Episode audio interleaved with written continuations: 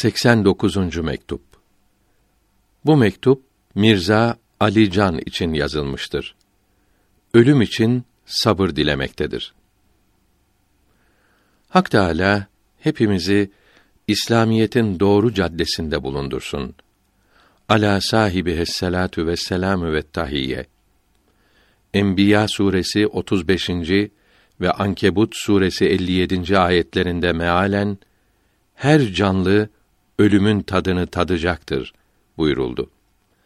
Bunun için her insan ölecektir. Ölümden kurtuluş yoktur.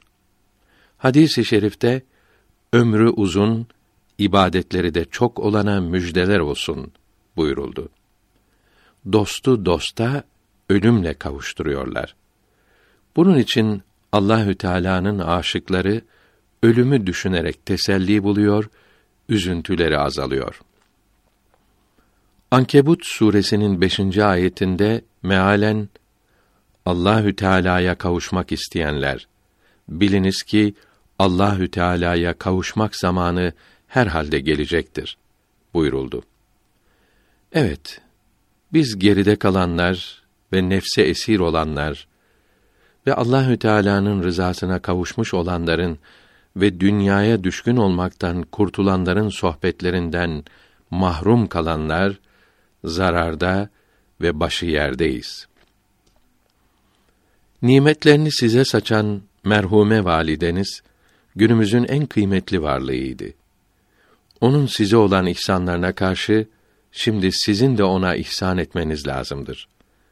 Dua ederek ve sadaka vererek her an yardımına koşunuz. Hadis-i şerifte mezardaki ölü denizde boğulmak üzere olan kimse gibidir babasından, anasından, kardeşinden ve arkadaşlarından gelecek bir duayı hep beklemektedir buyuruldu. Bundan başka onların ölümünü görerek kendi ölümünü de düşünmeli. Bütün varlığıyla Allahü Teala'nın beğendiği şeyleri yapmaya sarılmalıdır. Dünya hayatının insanı aldatmaktan başka bir şey olmadığını düşünmelidir. Dünya kazançlarının Allahü Teala'nın yanında az bir kıymeti olsaydı düşmanı olan kâfirlere ondan kıl ucu kadar vermezdi. Allahü Teala bizi ve sizi kendisinden başka her şeyden yüz çevirmekle nimetlendirsin. Yalnız kendisine bağlanmakla şereflendirsin. Bu duamızı peygamberlerin efendisi hürmetine kabul buyursun. Aleyhi ve ala alihi ve aleyhim mines salavati efteluha ve minet teslimati ekmeluha. Ve selam vel ikram. Afeti gamdan acep dünyada kim azadedir? Herkesin bir derdi var. Madem ki Adem zadedir. Bir humayı zevki bin sayyadı gam takip eder.''